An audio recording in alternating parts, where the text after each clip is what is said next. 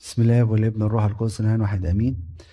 اقرا معاكم الصحيح الرابع أنا عارف إحنا خلصنا جزء منه وهنخلص النهارده كله يعني. بعد هذا نظرت واذ باب مفتوح في السماء والصوت الأول الذي سمعت كابوي يتكلم معي قائلا اصعد إلى هنا فأريك ما لابد أن يصير بعد هذا. والوقت سرت في الروح وإذ عرش موضوع في السماء وعلى العرش جالس.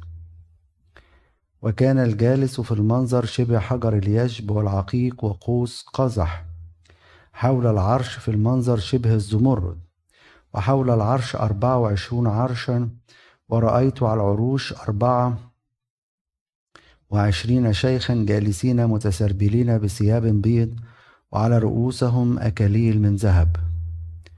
ومن العرش يخرج بروق ورعود وأصوات وأمام العرش سبعة مصابيح نار متقدة هي سبعة أرواح الله.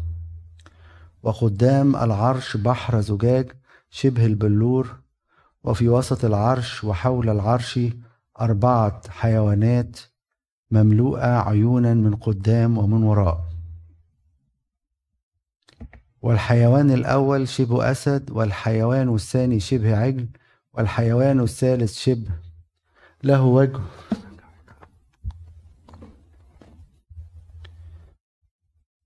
والحيوان الثالث له وجه مثل وجه إنسان والحيوان الرابع شبه نسر طائر. والأربعة حيوانات لكل واحد منها ستة أجنحة حولها ومن داخل مملوءة عيونا ولا تزال نهارا وليلة قائلة قدوس قدوس قدوس الرب الإله القادر على كل شيء الذي كان والكائن والذي يأتي. وحينما تعطي الحيوانات مجدا وكرامة وشكرا الجالس على العرش الحي إلى أبد الآبدين يخر الأربعة والعشرون شيخا قدام الجالس على العرش ويسجدون للحي إلى أبد الآبدين ويطرحون أكاليلهم أمام العرش قائلين أنت مستحق أيها الرب أن تأخذ المجد والكرامة والقدرة لأنك أنت خلقت كل الأشياء وهي بإرادتك كائنة وخلقت. نعمة الله الآب تحل على جميعنا. أمين. أعتقد إحنا وصلنا للأنهي واحدة للآية ستة.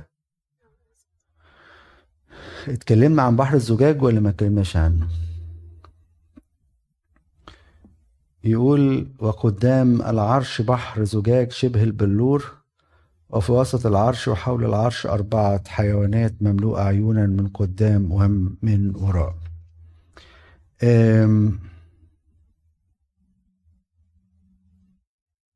حكاية البحر الأول الزجاجي. يقال إن طبعا ده إشارة للمعمودية مش هنقدر نعبر إلى عرش الله إلا من خلال المعمودية. كمان الزجاج ده عبارة عن تراب بيدخل مع ثاني أكسيد السيليكون بيخش في النار. وهنا دي إشارة للإنسان المسيحي مش هيقدر ما يقدرش يعبر إلى العرش الإلهي غير من خلال الدقات. بدقات كثيرة ينبغي أن تدخلوا ملكوت السماوات. فده موضوع البحر الزجاجي. عايز ألخص لكم اللي فات كله مع مع البحر الزجاج اللي هو شبه البلور دوت علشان نقف قدام ربنا هو قال لنا كذا حاجة. عشان نقدر نعبر العرش من خلال اللي صح دوت. في الأول عشان نقدر نقف قدام العرش لازم نكون معمدين من خلال المعمودية من خلال البحر دوت اللي يرمز إلى مياه المعمودية. معمدين كمان وتايبين وعايشين حياة النقاوة زي البلور النقي دوت. كمان الخطوة التانية عشان نقدر نقف قدام آه، ربنا لازم نعكس النور بتاعه للعالم كله. لكي يروا أعمالكم الحسنة فيمجدوا أباكم الذي في السماوات. أنتم نور العالم. كمان هنلاقي أن الناس اللي عايزة تعبر دول لازم المصابيح الموجودة روح ربنا لازم تمشي بروح الله في وسط هذا العالم. يستجيب لصوت ربنا مش صوت العالم اللي موجود حوالينا. وفي الآخر طبعا هنشوف زي ما شفنا 24 قسيس الكهنوت من خلال الكهنوت اللي بيدينا المعمودية وفي سر التوبة والإعتراف نقدر نقف قدام عرش ربنا. وكمان من خلال الضيقات اللي شفناها في البحر الزجاجي ده. فده ملخص الكام آية اللي فاتوا دول. وطبعا أولاد ربنا اللي سامعين صوت ربنا من خلال زي ما شفنا البروق يشوفوا البروق بعينيهم يشوفوا الوعود والرعود الانذارات بتاعت ربنا وصوت الله أحكام ربنا وبيسمعوا لها بيعبروا عن طريق الطاعة اللي هم عاملينها لروح ربنا. النهارده هيتكلم على الأربعة أحياء هم مش كلمة حيوانات دي المكتوبة مش معناها animals لأ. اللي هو آه، أعتقد هي مكتوبة creatures بال بال بالإنجليزي. four living creatures يعني دول أربعة حتى اللفظ اللي حتى بنسوله بنصليه في القداس ما بنقولش أربعة حيوانات بنقول أربعة الأحياء. كائنات حية. كائنات حية. طبعا شافهم بردك حزقيال بس ما شافهمش بنفس الطريقة دي شاف كل واحد فيهم ليه أربع يعني أربع وجوه كده هو آه لكن يوحنا شافه بالمنظر شافهم بالمنظر ده. وزي ما قلت كل اللي هنقوله خلال كلمات دي كلها اجتهادات. لكن الأربعة موجودين آه موجودين. كائنات حية موجودة آه. وهنلاقيهم هم مش جالسين على عرش. وما عندهمش تيجان. ليه؟ لأنهم بيحملوا العرش كله. فالمسيح هو العرش بتاعهم وهو التاج بتاعهم. فهم يحملون هذا العرش. فدول بنسميهم الأربعة أحياء غير المتجسدين يعني ملهمش جسد يعني. ودول عبارة عن طغمة من الملائكة وهتلاقوهم مملوئين أعينا إشارة للحكمة والمعرفة اللي عندهم. طبعا دي كلها codes زي ما إحنا اتفقنا. وهو بردك شاف في ضوء اللي هو يقدر يفسره. فشاف عيون كتيرة وشاف الأمور دي كلها بردك نفس الحكاية حزقيال نفس الحكاية اللي شافها. فهنا إشارة هنا هو للمعرفة والحكمة اللي عندهم. وهم من طائفة الكاروبيم أو الشيروبيم يعني. وقلنا إن الطائفة دي طائفة محاربة. قلنا في اللي هم المسبحين وفي الطائفة اللي هي من الملائكة زي الملاك ميخائيل آه، من طائفة المحاربين والملاك غبريال من طائفة الناس أو الملائكه يعني اللي بيبشروا مش بيحاربوا.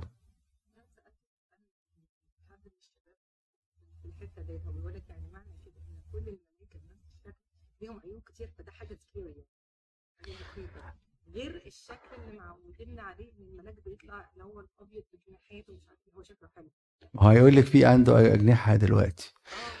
ما خلي بالك ده في ضوء التعبيرات البشرية اللي بيقدر يعبر بيها يوحنا. في ضوء اللي قدر يعبر بيه واللي قدر يشوفه. هو لو جيت الحق هم مخلوقات نارية. يعني مش هيبقى ليهم شكل معين. المفروض ما يبقاش ليه شكل معين بس هو عشان يشوف المنظر فابتدى في في ضوء اللي شافه ابتدى يوصف. لكن مش سكيري يعني هو ما يلاقوش ده بينطبق على وصف كل اشكال الملائكه كل الملائكة نفس الشكل ده. آه لا مش كلهم كده هو. دول طغمات زي ما بقول لك الطغمه دي الشكل اللي شافوا بيه يوحنا وشافوا بيه آه حزقيال هو المنظر ده اللي شافوه. وده كودس بردك إشارة بقول لك لل... لل... للمعرفة والحكمة بتاعتهم زي ما دي كلها اجتهادات إحنا كلنا بنجتهد. إيه اللي فوق وإيه المنظر؟ هنشوفه إحنا تاني إزاي؟ هيبقى الحاجات دي موجودة بس ممكن يبقى إحنا نشوفها بطريقة تانية أو غير اللي شافها بيه يوحنا مثلا أو الوصف اللي بتاع يوحنا. هنشوف نفس الحاجات بس ممكن إحنا يكون عندنا أوصاف تانية في الوقت ده. زي حجر اللي الحاجة. هو قاعد يفسر في ضوء الثقافة اللي موجودة في الوقت ده يقدر يعرف اللون ده إيه ويعرف الشكل ده إيه. خدين بالكم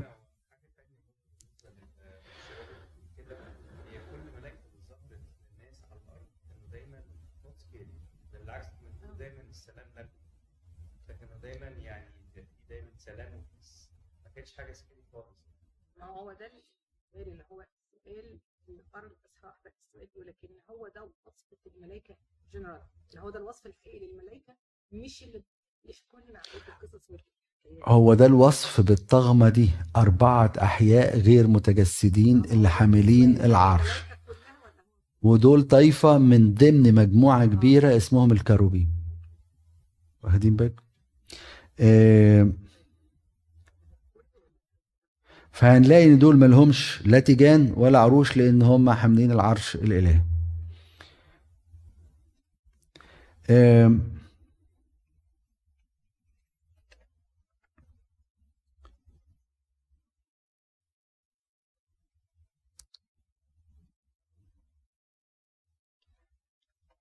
وحول العرش أربعة حيوانات أربعة أحياء مملوء عيونا من قدام ومن وراء. الحيوان الأول شبه أسد. والحيوان الثاني شبه عجل والحيوان الثالث له وجه مثل وجه إنسان والحيوان الرابع شبه مثل طائر. بردك التأملات اللي فيها هتلاقوا الأربعة أحياء دول بيتأملوا فيهم كتير قوي. يعني مثلا يقولوا دول إشارة للأربع أناجيل. الوجه إنسان إشارة لإنجيل إيه؟ متى. واللي وجه آه عجل إشارة لإنجيل إيه؟ لوقا. واللي وجه آه أسد إشارة لإنجيل مرقس على طول. بس ليها ليها ليها يعني ليه بنقول مرقس هقول لكم دلوقتي. مش عشان مرقس والأسد وقصة الأسد يعني. والأخير النسر اشاره لمين؟ يوحنا آه، أو إنجيل بشارة الإنجيل معلمنا يوحنا.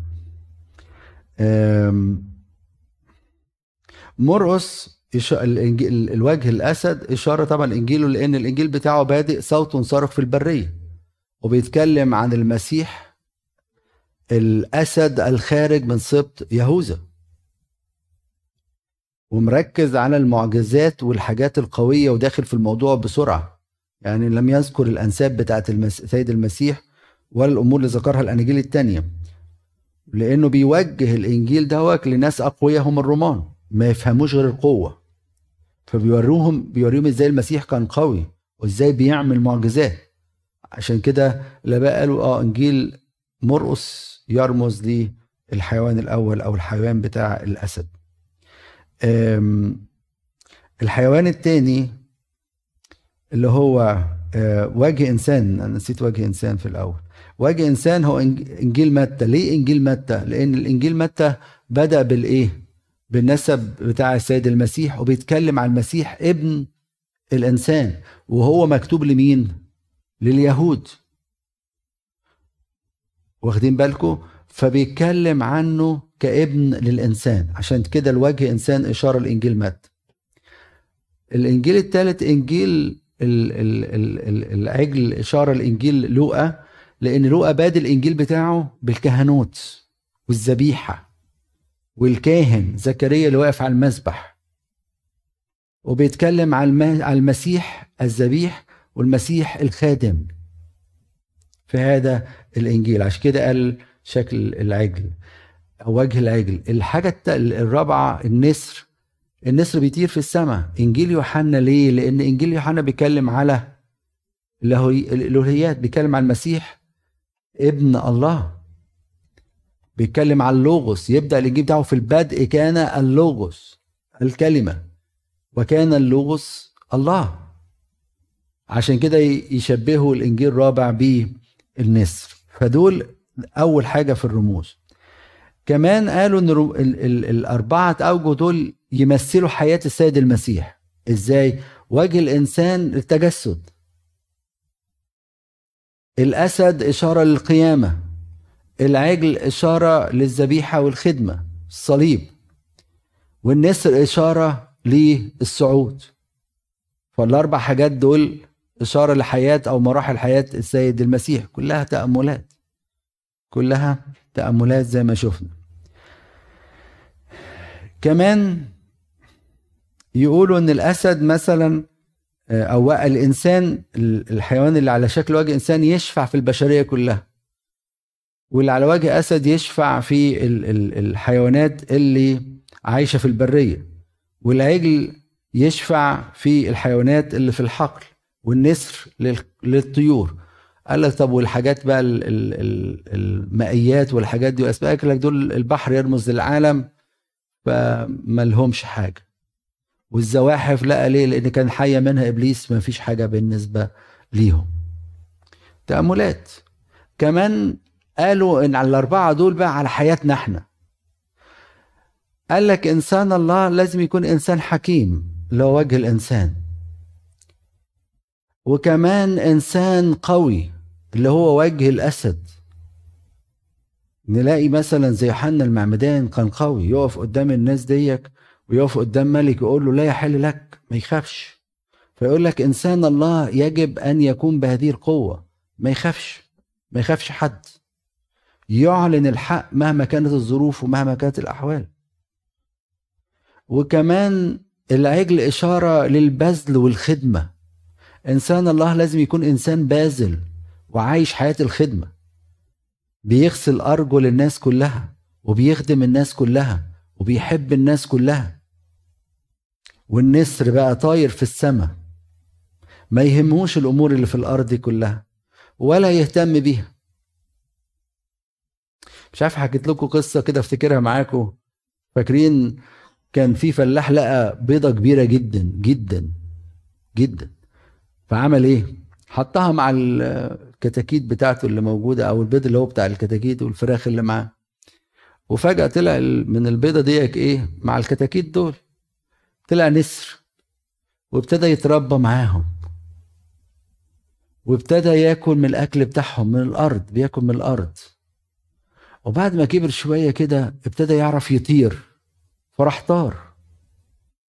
فبعد شوية قال أشوف بقى اخواتي دول اللي كنت متربي معاهم. فرجع لقاه بياكلوا من الأرض فاستغرب أنتوا لسه بتاكلوا من الأرض؟ أنا طرت في السماء فوق. فحياه النسر إنسان ما بيبصش للأرضيات والامور الأرض بقى مش مركز فيها. احتياجاته اللي موجودة عارف إن ربنا هيلبيها وخلاص. لكن مش طمعان في الأرض. مش مركز في الفلوس بتاعت العالم ولا أمور العالم ولا الحاجات دي كلها. فيقول لك إنسان الله لازم يبقى زي الأربعة دول. عايش بالحكمة ودي للأسف بنفتقدها. والكتاب كده قال لك إن إن للأسف إن أولاد العالم أحكم من أبناء النور في جيلهم. للأسف. الحكمة مهمة. والإنسان إنسان الله ده قوي جدا زي الأسد وإنسان خادم وبازل يخدم الكل ويضحي من أجل الكل وعايش في السماء ما يهموش أمور الأرضية. هتقول لي يا أبونا إزاي بس؟ إحنا عندنا مشاكل كل يوم وضيقات كل يوم والحاجات ديت مخليانا تعبانين وقاعدين نفكر في الأرض. هقول لك لا العملية بالتدريج مش في يوم وليلة مش في يوم وليلة بتتفطم على الأرض. الكتر بتاع الألم والمر والمر بتاع العالم اللي إحنا بنشوفه يفطم الإنسان على الأرض. يعني شوية ضيقات تيجي للإنسان يقول لك الدنيا دي ما تساويش. تلاقي الإنسان يا عيني اللي على طريح الفراش واللي منتظر خلاص أيام انتقال يقول لك أنا إيه اللي ضيعت وقتي في حاجات؟ إيه اللي أنا عملته دوت؟ اتفطم عن الأرض. فالشاطر يتفتن بسرعة وهو بصحته مش لازم يبقى على السرير عشان يدرك الحقيقة دي كان حكيت لكم قصة زمان قابلت أحد الناس كان آه، بنت دكتور مشهور من أشهر دكاترة الكبد مش عارف اسمه حاجة كامل ولا نسيت اسمه يعني. فقالت لي ده ال... كان القداس الأربعين وبتاع بابا وكده هو قلت لها مين بابا؟ قالت لي آه، فلان الفلاني ده مشهور جدا كان أستاذ كبد يعني. فبتقول لي راجل عظيم جدا. قلت لها ابتدت تحكي لي قصة يعني. قالت لي يعني آه، والدتي اتنيحت وإحنا صغيرين أطفال صغيرة.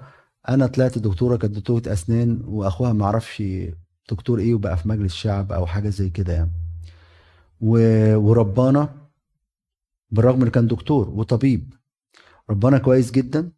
وكمان كان بيعمل حاجات غير عادية آه، ألف حاجة آه، طبية آه، مش عارف كام ألف صفحة وخد جايزة الدولة التقديرية عن الحاجات دي كلها. وكمان آه، معرفش ألف كام قصة ولا قرا كام قصة أدبية. حاجة بتبقى صعبة قوي إن يبقى في دكتور بي- بيجيب وقت منين؟ ما معرفش وبعد كده بس ما كانش ليه علاقة بربنا تماما. وجي عنده حاجة و80 سنة جات له جلطة فابتدى ينام على السرير بص لقى ده في سما. بعد كده بيبص جنبيه لقى كتاب مقدس فابتدى يقرأ. لأن هو كان يعني باحث رائع. لما قرا كلمة ربنا قال إزاي ضيعت وقتي وحياتي ولم أقرأ ولم أقرأ كلمة الله؟ وابتدت حياته تتغير كلها وهو على الفراش. وابتدى يدرك أهمية كلمة الله. كان سمارت في كل حاجة لكن في حياته الروحية ما كانش عنده الحكمة ديك إنه يدور على خلاصه. وإنه يقرأ كلمة ربنا. ياما قرا كتب أدبية وياما قرا كتب علمية وياما ألف وخد شهادات وخد مراكز. في الآخر لما نام وبص في السماء لقى إن في سماء. فالإنسان الشاطر اللي يفطم نفسه بدري بدري ما يقعدش لغاية ما يكبر وبعدين يدرك الحقيقة إن هو مسافر. إن هو مسافر. فما يحزنش على فلوس ما يحزنش من ناس ولا يزعل من ناس. كل الأمور بتاعت العالم دي خلاص بقى. يقول لك أنا مسافر أنا في غربة. ويعيش حياة النسر طاير. ما يبصش على بقى ال- الناس اللي بتاكل من الأرض. خليهم ياكلوا في الأرض خلاص. أنت طرت في السماء. عيش حياة السماء ديك وعيش ما تعيش تبع الأرض والأمور بتاعت الأرض دي خلاص. أنت بقيت مخلوق سماوي بعد ما اتعمدت. فده صفات الإنسان المسيحي. إنسان عنده حكمة إنسان قوي جدا. إنسان خادم وباذل وإنسان عايش في السماء طاير في السماء مش قاعد على الأرض ولا مركز على أمور الأرض. فدول الأربعة أحياء الغير متجسدين. وهنا الكتاب بيوصفهم ليهم ست أجنحة. ويمكن الكنيسة بقى في القداس علمتنا إن ليه الست الأجنحة دول اثنين يغطون أوجههم وإثنين يغطون أرجلهم ويطيرون بإثنين. الحاجة العجيبة بقى إن الناس دي بتقف قدام العرش متغطية دول ملائكه يصعب عليا قوي قوي إن حد يدخل للتناول وهو مش متغطي. صعب قوي قوي قوي قوي إن الواحد يدخل وهو مش متغطي. ده كان البابا كله الزمان لو جاله راجل لابس نص كم نص كم كان يقرصه من إيديه. راجل. راجل. ما أعرفش تعرف الحكاية دي ولا لأ. بنص كم. يقرصه من من من ايديه. تخيلوا دلوقتي ان إحنا ممكن نقف قدام الذبيحة ونتناول منها وإحنا مش مغطيين أنفسنا. لكن بصوا دول بيغطوا أنفسهم قدام العرش. مش قادرين يبصوا للمجد اللي هم شايفينه.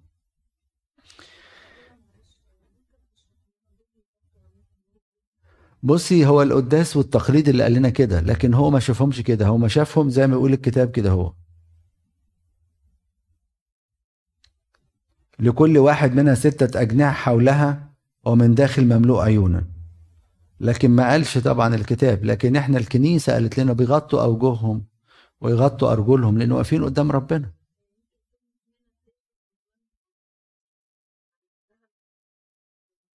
لا عيونهم ديك إشارة للحكمة على طول والمعرفة. ملهاش دعوة بال- بالتغطية يعني.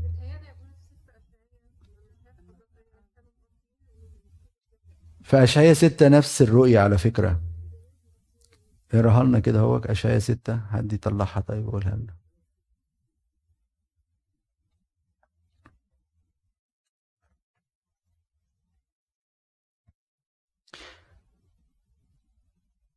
هتلاقوا في عشاء ستة بيتكلم على التسبيحة بتاعت قدوس قدوس والملائكة ديك موجودة. لما طار منهم ملاك.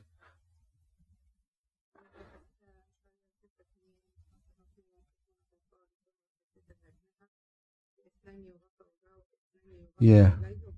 يبقى الكنيسة خدتها من أشعية سوري فيغطوا وجوهم عارفين إحنا بنعملها إزاي في الكنيسة؟ عارفين في القداس في الآخر في الأول أبونا لما يصلي صلاة الصبح يحط لفافة على وشه إشارة لإيه؟ خطية الفاصل بيننا والشماس يمسك صليب. في آخر القداس في الاعتراف يحصل العكس. الشماس ماسك الفلاة اللفافة المثلثة وصليب وشمعة ومغطي عينيه وأبونا الكاهن ماسك الجسد ومفتح عينيه على الجسد. ده إشارة لكل واحد فينا وهو المرة دي بقى إشارة لمين؟ للملائكة. الذين لا يستطيعون أن يروا اللاهوت.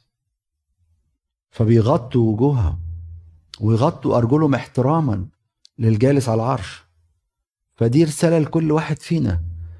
يعني إن اللبس بتاعنا يبقى محترم ما يجيش ولد شاب يعني يلبس شورت وجاي يتناول. ما ينفعش. وبنت مثلا مش لابسة لبس لا لبس لا يليق وجاية تتناول. ده الملائكة بيعملوا كده. أمال إحنا يجب إن إحنا نعمل إيه بقى؟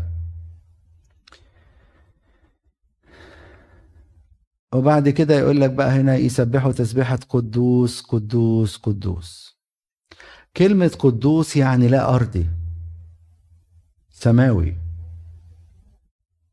ونقولها ثلاث مرات إشارة إلى الثالوث الآب والابن والروح القدس. وفي العبري لما يكرر عبارة ثلاث مرات معناها إن الله كلي القداسة. قداسة مطلقة. مطلقة. فييجوا يرنموا الترنيمة دي وإحنا طبعا خدنا الترنيمة دي. وبنقولها في القداس. أجيوس أجيوس أجيوس. قدوس قدوس قدوس. الرب الإله القادر على كل شيء. صدقوني لو طلعنا النهارده بس بالعبارة بتاعت الله القادر على كل شيء ديك الموضوع انتهى يعني. يكفي. ده يخلي الواحد يبقى فاكر وفاهم كويس قوي قوي إحنا مين ماشيين ورا مين. الله القادر على كل شيء. وهنلاقي من خلال كلمة الله إزاي الله قادر على كل شيء؟ إزاي واحد زي إبراهيم وسارة يجيبوا ابن هم في السن ده؟ وخلاص كان 90 سنة هي وهو 100 سنة قالت لا خلاص فيش أمل. لكن الله القادر على كل شيء قال له الذي لا يعثر عليه إيه؟ أمر. إزاي ثلاث فتية يخشوا أتون النار وما يتحرقوش؟ واللي يرموهم يتحرقوا. الله القادر على كل شيء. إزاي واحد يترمي في جب اسود زي دانيال وفي سن دانيال مجرد إنه يقع بس يموت. جب ده كان كام دور؟ وإن الأسود لا تلمسه ده الله القادر على كل شيء. إزاي ناس تلف حوالين أسوار ومبنية بحصون ويقول لك لف حواليها. يعني نعمل يا رب يعني هيحصل إيه لما نلف؟ يقول له سبعة أيام ويوم السابع سبع مرات وبعد كده تبوق بالبوق والأسوار تقع. الله القادر على كل شيء. إزاي يبقى البحر قدامي وفرعون ورايا وأنا ميت ميت والبحر يروح شمال ويمين ويبقى في طريق؟ إزاي؟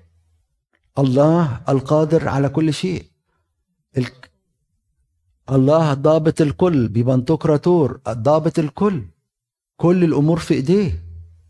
ولازم نبقى عارفين الكلام ده كويس قوي قوي ما نشكش في وعود ربنا اعرف أنت بتتبع مين.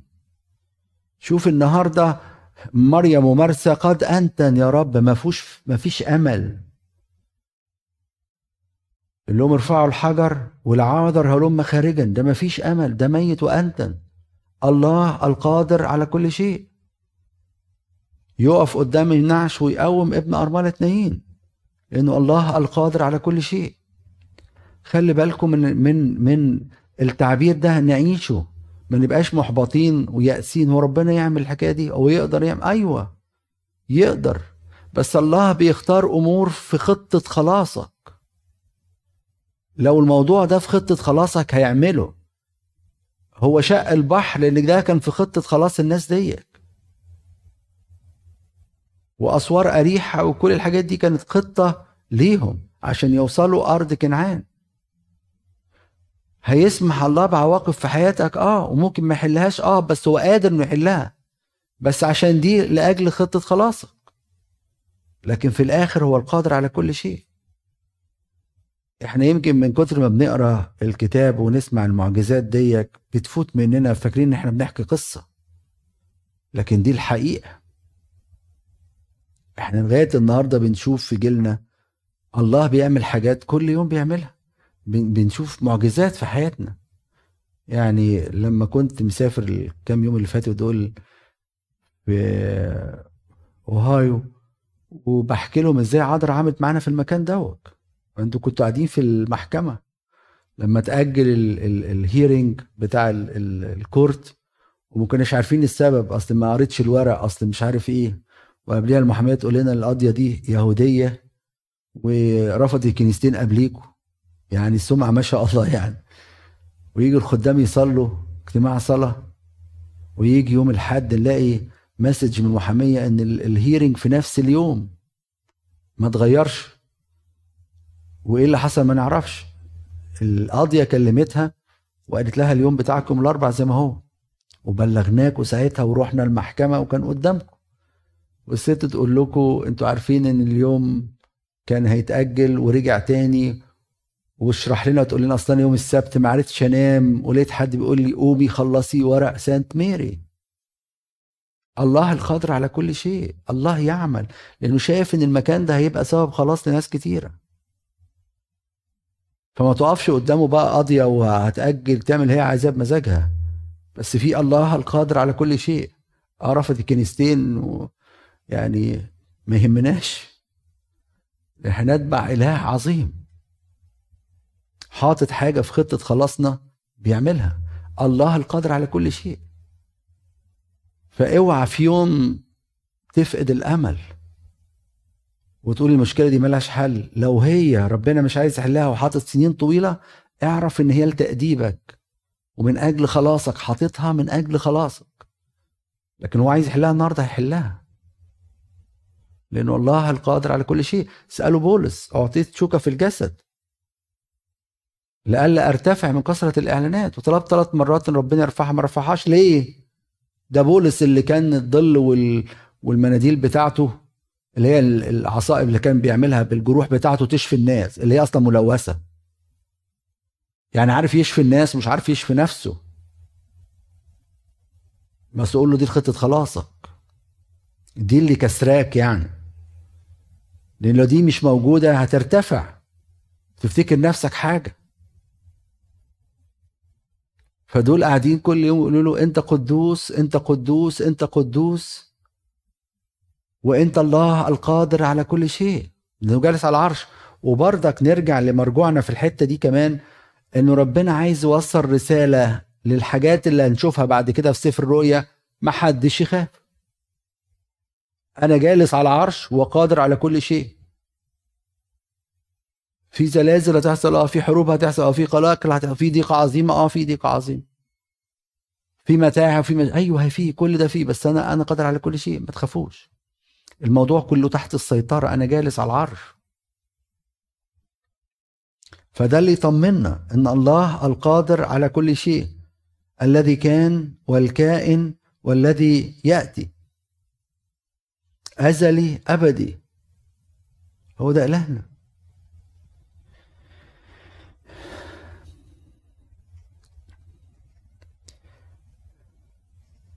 وبعد كده بقى وحينما تعطي الحيوانات مجدا وكرامة وشكرا للجالس على الحر على العرش إلى أبد الأبدين.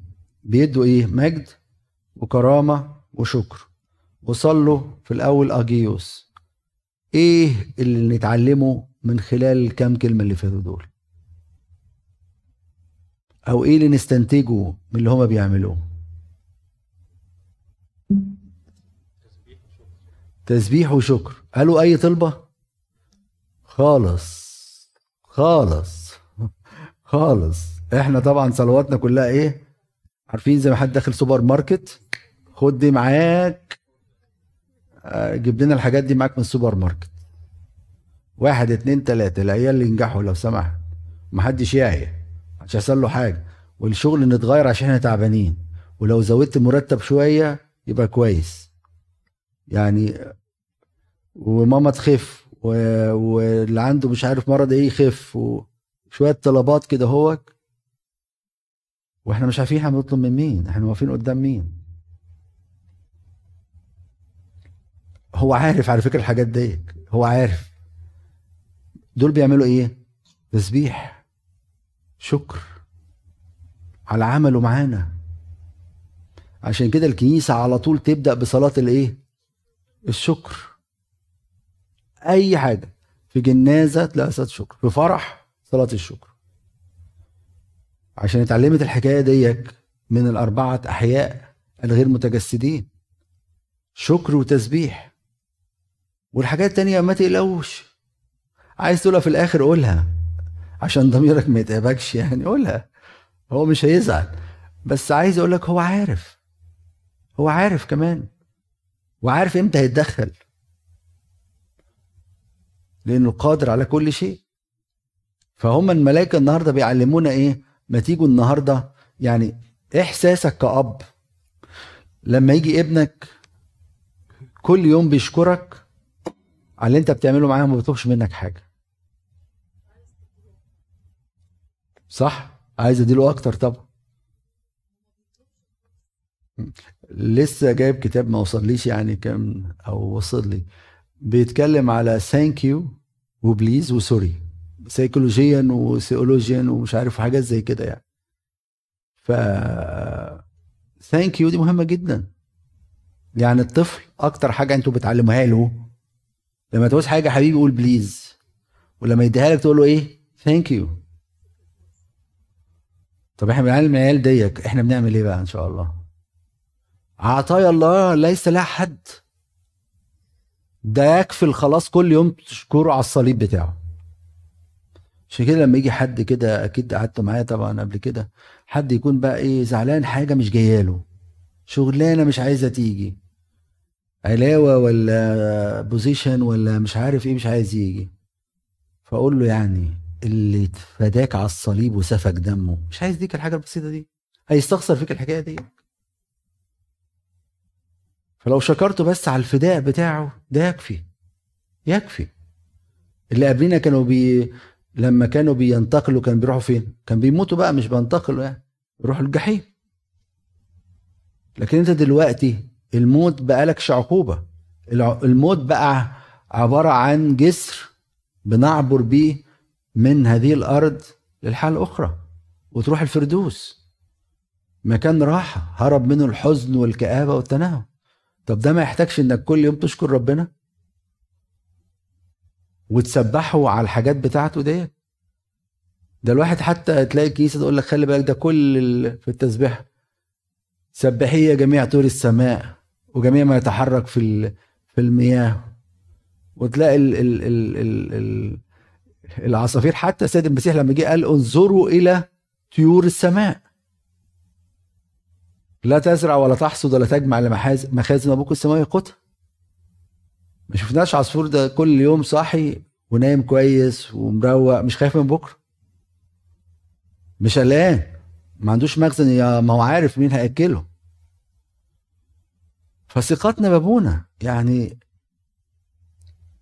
نزيد تسبيح ونزيد شكر هو محتاج مش محتاج.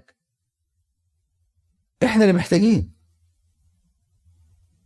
إحنا اللي محتاجين. يقف قدام ربنا كده ويسبح ربنا ويشكره على النعم اللي مديها له. صدقوني الواحد بيشوف حالات بيبقى صعبة جدا. هنشكر ربنا. على اللي مديهولك. فهم دول قاعدين بقى يسبحوا ربنا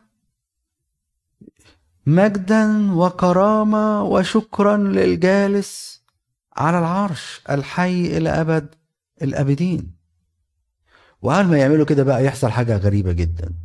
يحصل إيه؟ يقول لك يخر الأربعة والعشرون شيخا قدام الجالس على العرش. ويسجدون للحي إلى أبد الآبدين ويطرحون أكاليلهم أمام العرش. أول ما يسمعوا التسبيح دوت يعني طبعا هو حاجة غريبة جدا إن حد يبقى جالس على يعني ربنا مديهم عروش وجالسين عليها. ده إشارة للكرامة اللي واخدينها 24 قسيس دول. لكن أول ما يسمعوا بقى التمجيد والتسبيح يعملوا إيه؟ لا لا إحنا مش هينفع نقعد مش عارفين نقعد. ما ينفعش يا رب. فيعملوا إيه؟ يروحوا ساجدين يسجدوا. وهنا يعلمونا إحنا بقى نعمل إيه؟ نسجد. فاكرين حكيت لكم في مرة قصة كان أبونا متى المسكين راح على ما أفتكر دير برموس ف راح بقى بي كان بيتعلم ساعتها بقى من الشيوخ الكبار دول بيعملوا إيه وبيسووا إيه يعني. فهو دخل راح التسبيحة فلا واحد فوق ال 90 سنة تقريبا. و... ودخل أول ما جه عند المسبح كده راح اترمى على وشه. مش بيسجد لأ اترمى على وشه. عارفين إن واحد بيقع على وشه كده؟ بالظبط. فهو كان شاب طبعا فعايز يروح يسند قال له خليك هنا خليك. وبعد كده يروح ملمم جسمه كده هوك ويروح قايم تاني ويروح رامي وشه على وشه تاني. هو مش عارف يسجد. مش عارف يق... مفيش ركب مفيش أي حاجة مش قادر. بس بيعمل إيه؟ بيرمي نفسه. لأنه عارف هو واقف قدام مين. واقف قدام مين. فالسجود مهم. زي ما هنشوف في الحد الجاي السامرية. تساله على السجود. السجود طبعا بالروح مش بس بالجسد.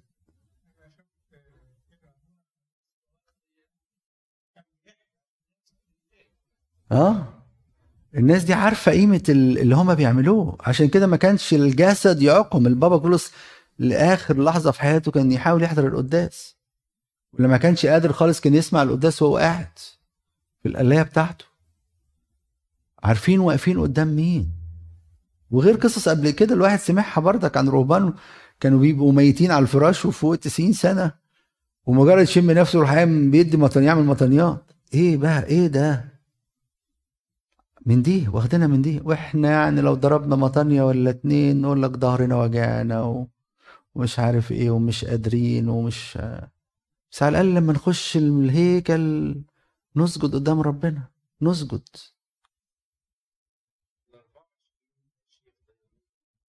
ما هو اتكلمنا عنهم المرة اللي فاتت. قلنا إن كلها تأملات طبعا. منهم ال 12 للعهد القديم و12 عهد 12 سبت وال 12 رسول. ومش معناها طبعا 12 سبت يعني إن هو ما فهمش إبراهيم. يعني إشارة لكل رجال العهد القديم. وال 12 التانيين إشارة للرسل. طبعا ما فهمش بولس. ده بولس اللي بشر في كل ده. فقلنا إنه كمان إشارة لكل العهد الجديد يعني. عهد قديم وعهد جديد يعني. لا لا هم 24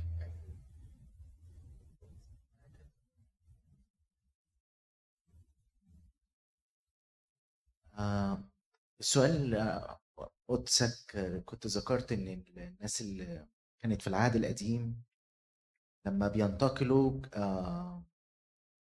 كانوا بيروحوا الجحيم لكن إحنا دلوقتي عندنا نعمة أكبر إن إحنا بننتقل بنروح السماء فردوس. أو الفردوس.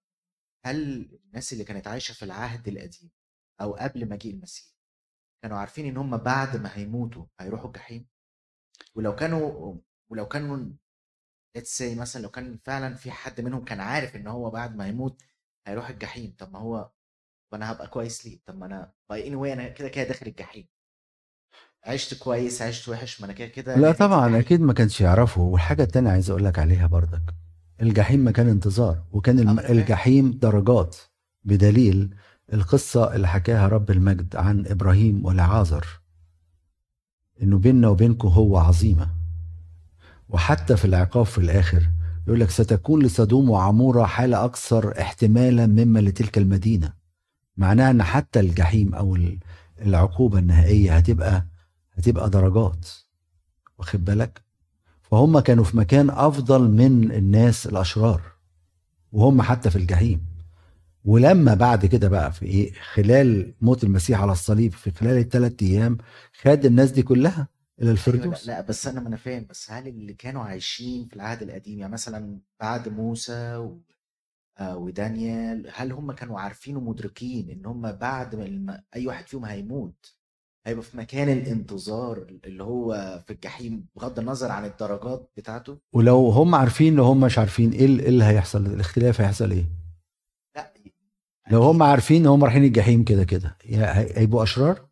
لا ما, ما هو الكتاب ما ذكرش هم بيقول لك- إن أي واحد فيهم هيموت ل- هيكون في مكان الانتظار بتاعه الجحيم. هم انتظروا المواعيد من بعيد زي ما بيقول بولس الرسول في عبرانيين. فهم عارفين إن هم في يوم من الأيام هيخلصوا. فهم كان رجائهم على كده.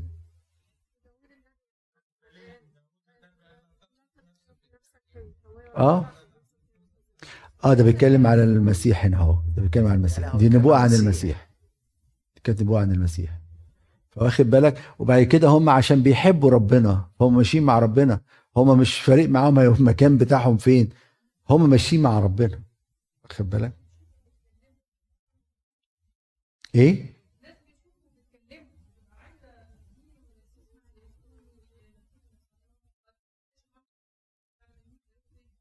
فالمكان حتى دوت كان مكان فيه فيه فروقات.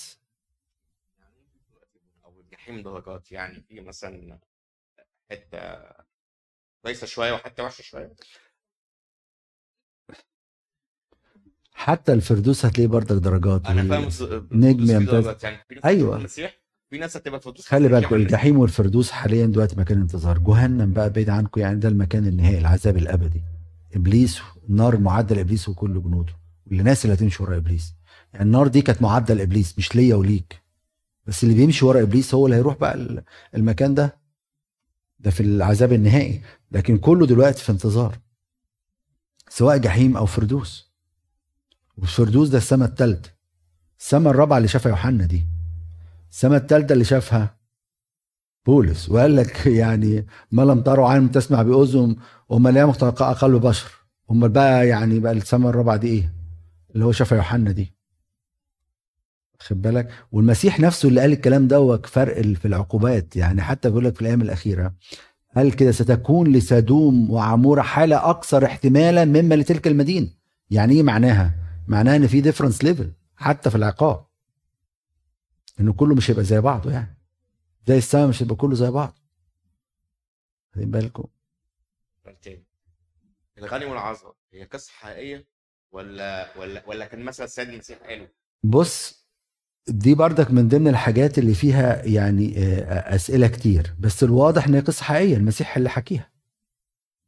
إنه ذكر أسماء وذكر إبراهيم والغني فكان في أسماء. مثلا قصة المثل سم- سمير الصالح سمير الصالح ما قالش اسمه. واخد بالك؟ لكن ده ذكر اسم ال- القصة. فالبعض بيقال إن هم بيعززوا فكرة إن قصة حقيقية. بصرف النظر هي بتثبت حتى لو كانت قصة رمزية بتثبت إن المسيح الهدف اللي كان عايز يوصله كذا حاجة منها إن في هوة عظيمة بين دول. ودول في different level بردك بينهم. فيجوا ال 24 بقى أول ما يشوفوا المنظر ده ويسمعوا التسبيح دوت ما يقدروش يقعدوا على- الكراسي. يروحوا قايمين ساجدين. ويطرحوا ال- الأكاليل ديك قدامه. طب إحنا بنسجد بقى بنطرح إيه قدام المسيح؟ كل مرة بتسجد فيها أقول له ربي أنا مش عايز مجد من العالم. فلان أهني مش مشكلة. مش عايز. مش باصص للحاجة بتاعت العالم دي خالص. اطرح الأكاليل اللي فوق راسك واطرح كل مجد وكرامة قدام راسك. عارفين الراهبات يعملوا حاجة غريبة جدا. الرهبان يطولوا شعرهم والراهبات تحلق شعرها. عارفين كده ولا مش عارفين؟ تحلق شعرها. مجدها في شعرها ترمي قدام ربنا. والرهبان شفت أنا رهبان كده زي كله طبعا قاعد الرهبان آه، هو وظيفه دلوقتي. باخده بالحضن يدي فيرة جامدة لغاية هنا اهو. ها؟ تطول شعره فيطرح ال- ال- المجد والكرامة زي الراهبه ديك. تطرح كل حاجة قدام ربنا. قدام العرش يطرح كل واحد كل حاجة فينا. قدام ربنا بقى آجي بقى مهموم. اسمه كلام. أقف قدام ربنا مهموم وزعلان وقلقان من بكرة. وخايف من اللي هيحصل إيه بعد شوية. صعبة طبعا صعب ده قدام ربنا هسجد واطرح الأكاليل أي كرامة في حياتي واطرحها قدام ربنا. وأقول له المجد ليك وحدك. كنت بتخدم حد يقول لك يا الخدمة بتاعتك كل خدمة دي ده إحنا غلابة. نطرح الأكاليل دي والكرامة ده هو اللي مدينا النعمة دي ومدينا ال... أي حاجة فينا حلوة زي ما قلت لكم قبل كده هي من عند المسيح. أي حاجة حلوة فينا شايفاها الناس فينا حلوة دي من عند المسيح. ده هو غطى الضعف بتاعنا وظهر هو. فظهرت النعمة ديك فينا كخدام لله. لكن إحنا ولا حاجة نطرح الأكاليل قدام ربنا وندي المجد ليه. مش واحد بقى قدام ربنا بقى يعني يلبس أكاليل ويبقى يعني ويسرق مجد الله. صعب. فيجوا النهارده هم يقول لك مش قادرين نقعد قدام ال- الجالس على العرش دول. ده ده إحنا إحنا عايزين نسبح وعايزين نسجد. فيجي يعلمونا هم كمان بقى السجود وأن نطرح الأكاليل أمام الله. ويطرحوا أكاليلهم أمام الله. ويقولوا إيه بقى؟ لاحظوا بردك الصلاة اللي هيقولوها. إحنا فكرة إحنا ممكن ناخد العبارات دي ونحطها قدامنا وإحنا بنصلي. ونصلي بيها على فكرة. أنت مستحق أيها الرب أن تأخذ المجد والكرامة والقدرة لأنك أنت خلقت كل الأشياء وهي بإرادتك كائنة وخلقت. يجي واحد يقول لك بقى مين اللي خلق الكون وقاعدين يضحكوا على عيالنا. يقول لك طب ولو ربنا طب مين اللي خلق ربنا؟ ويقعدوا ي... ي... يجننوا العيال. ويجوا في الجامعة يشككوهم وفي المدارس يشككوهم. ويقول لك أصل الكون ده وجد بالصدفة. يعني مثلا أقول له يا ابني طيب مثلا الصليب دوت أهو. وجد بالصدفة؟ مش في حاجة بتقول إن الصليب ده اتعمل. ولا بقى الخشب كده جه من الشجرة لوحده واللون جه لوحده. وبعد آلاف السنين الألوان ضربت كده وعملت صليب وعملت قيامه يا سلام! حد يصدق الكلام دوت؟ ويبقى بالسيستم ده كله تبقى نواة آه و- وانفجار عظيم وحصل مش ممكن ربنا هو اللي عمل الانفجار دوت وهو اللي عمل الكون ده لكن مش بالصدفة إن يبقى في فرق بين السماء وبين الش... ال... ال... الأرض والشمس اللي لو اقتربنا شوية من الشمس هتحرق هنتحرق. وفي مسافات معينة متظبطة ده لو كمبيوتر و system يعني تفوق العقل. وبعد كده تيجي تقول واحد زي اسمه إيه دوكنز دوت بتاع إنجلترا بتقول له يقول لك مين خلق؟ يقول له يقول لك ال aliens اللي هم الكائنات فضائيه طب مين اللي خلق ال aliens بتوعك دول؟ ما أعرفش يا سلام. يعني أنت مصدق ال aliens دول كائنات فضائيه خلقت لي الكون. ومش قادر تصدق إن في مخ في خالق خلق الكون ده؟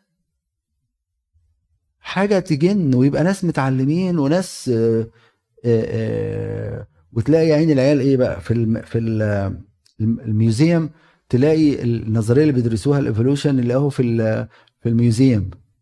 وبعد كده طب نقول لهم فين الحلقة المتوسطة اللي بين القرد والإنسان؟ يقول لك ما نعرفش. طب هو الراجل اللي عامل النظرية اللي هي اسمها نظرية مش خلي بالكم فرق بين ال theory نظرية وبين ال facts ده دي مش fact طيب الراجل ده قال لك لو ما لقيتوش الحلقة المتوسطة النظرية دي غلط.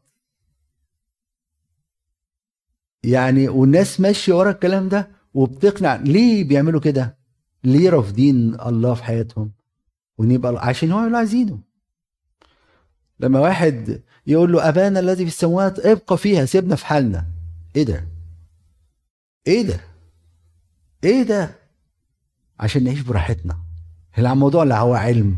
ولا هو فلسفة ولا هو يعني واحد عايز يعيش في حياة الخطية براحته. مش عايز لا وصية تأنبه ولا ضميره يأنبه. فبالتالي لا وجود لله.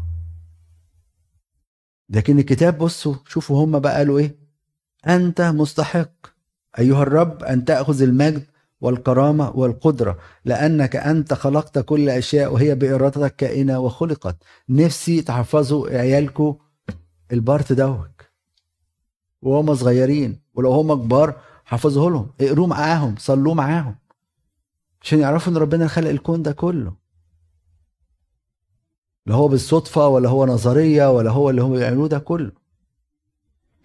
فهم أول ما بيشوفوا الكلام ده أنت مستحق. أنت مستحق السجود ده يا رب.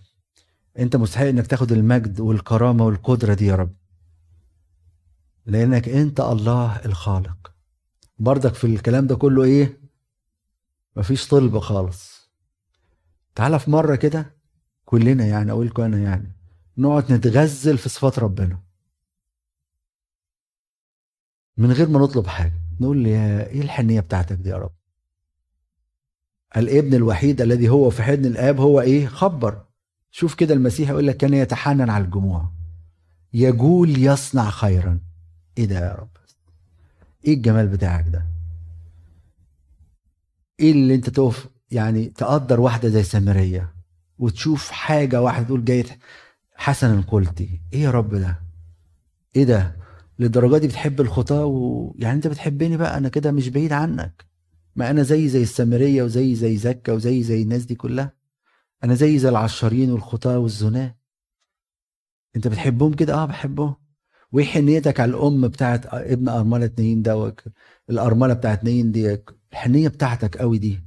توقف العرش وترميه الواد في حضن أمه. إيه يا رب العظمة بتاعتك دي؟ وإيه الحنية بتاعتك دي؟ وتقعد تتأمل فيها. وتقعد تتكلم معاه. من خلال المواقف اللي شفناها في حياة المسيح على الأرض. إزاي الأب يا ربي يعني تقبل الابن الابن اللي قال لك هات الميراث و... وجاي بهدومه وحشة و... وتعمله حفلة. وتقدم له ذبيحة اللي هو الصليب عشان واد فاسد زي ده. إيه ده؟ وتديله خاتم تديله حذاء جديد وتلبسه لبس جديد. إيه الجمال دوت وتقعد تتأمل فيها. من غير بقى طلبات. على الأقل مرة في اليوم بلاش بعد كده المره التانية اطلب زي ما انت عايز يعني. تخلي مرة منهم شكر لربنا وعلى عمله في حياتك. صدقين صدقوني كونكم ان أنتوا ان إحنا بنروح بسلام نشكر ربنا. صدقوني كنا ان بنروح بسلام نشكر ربنا. ربنا معاكم حافظ عليكم لإلهنا كل مجد وكرامة من الآن والأبد آمين.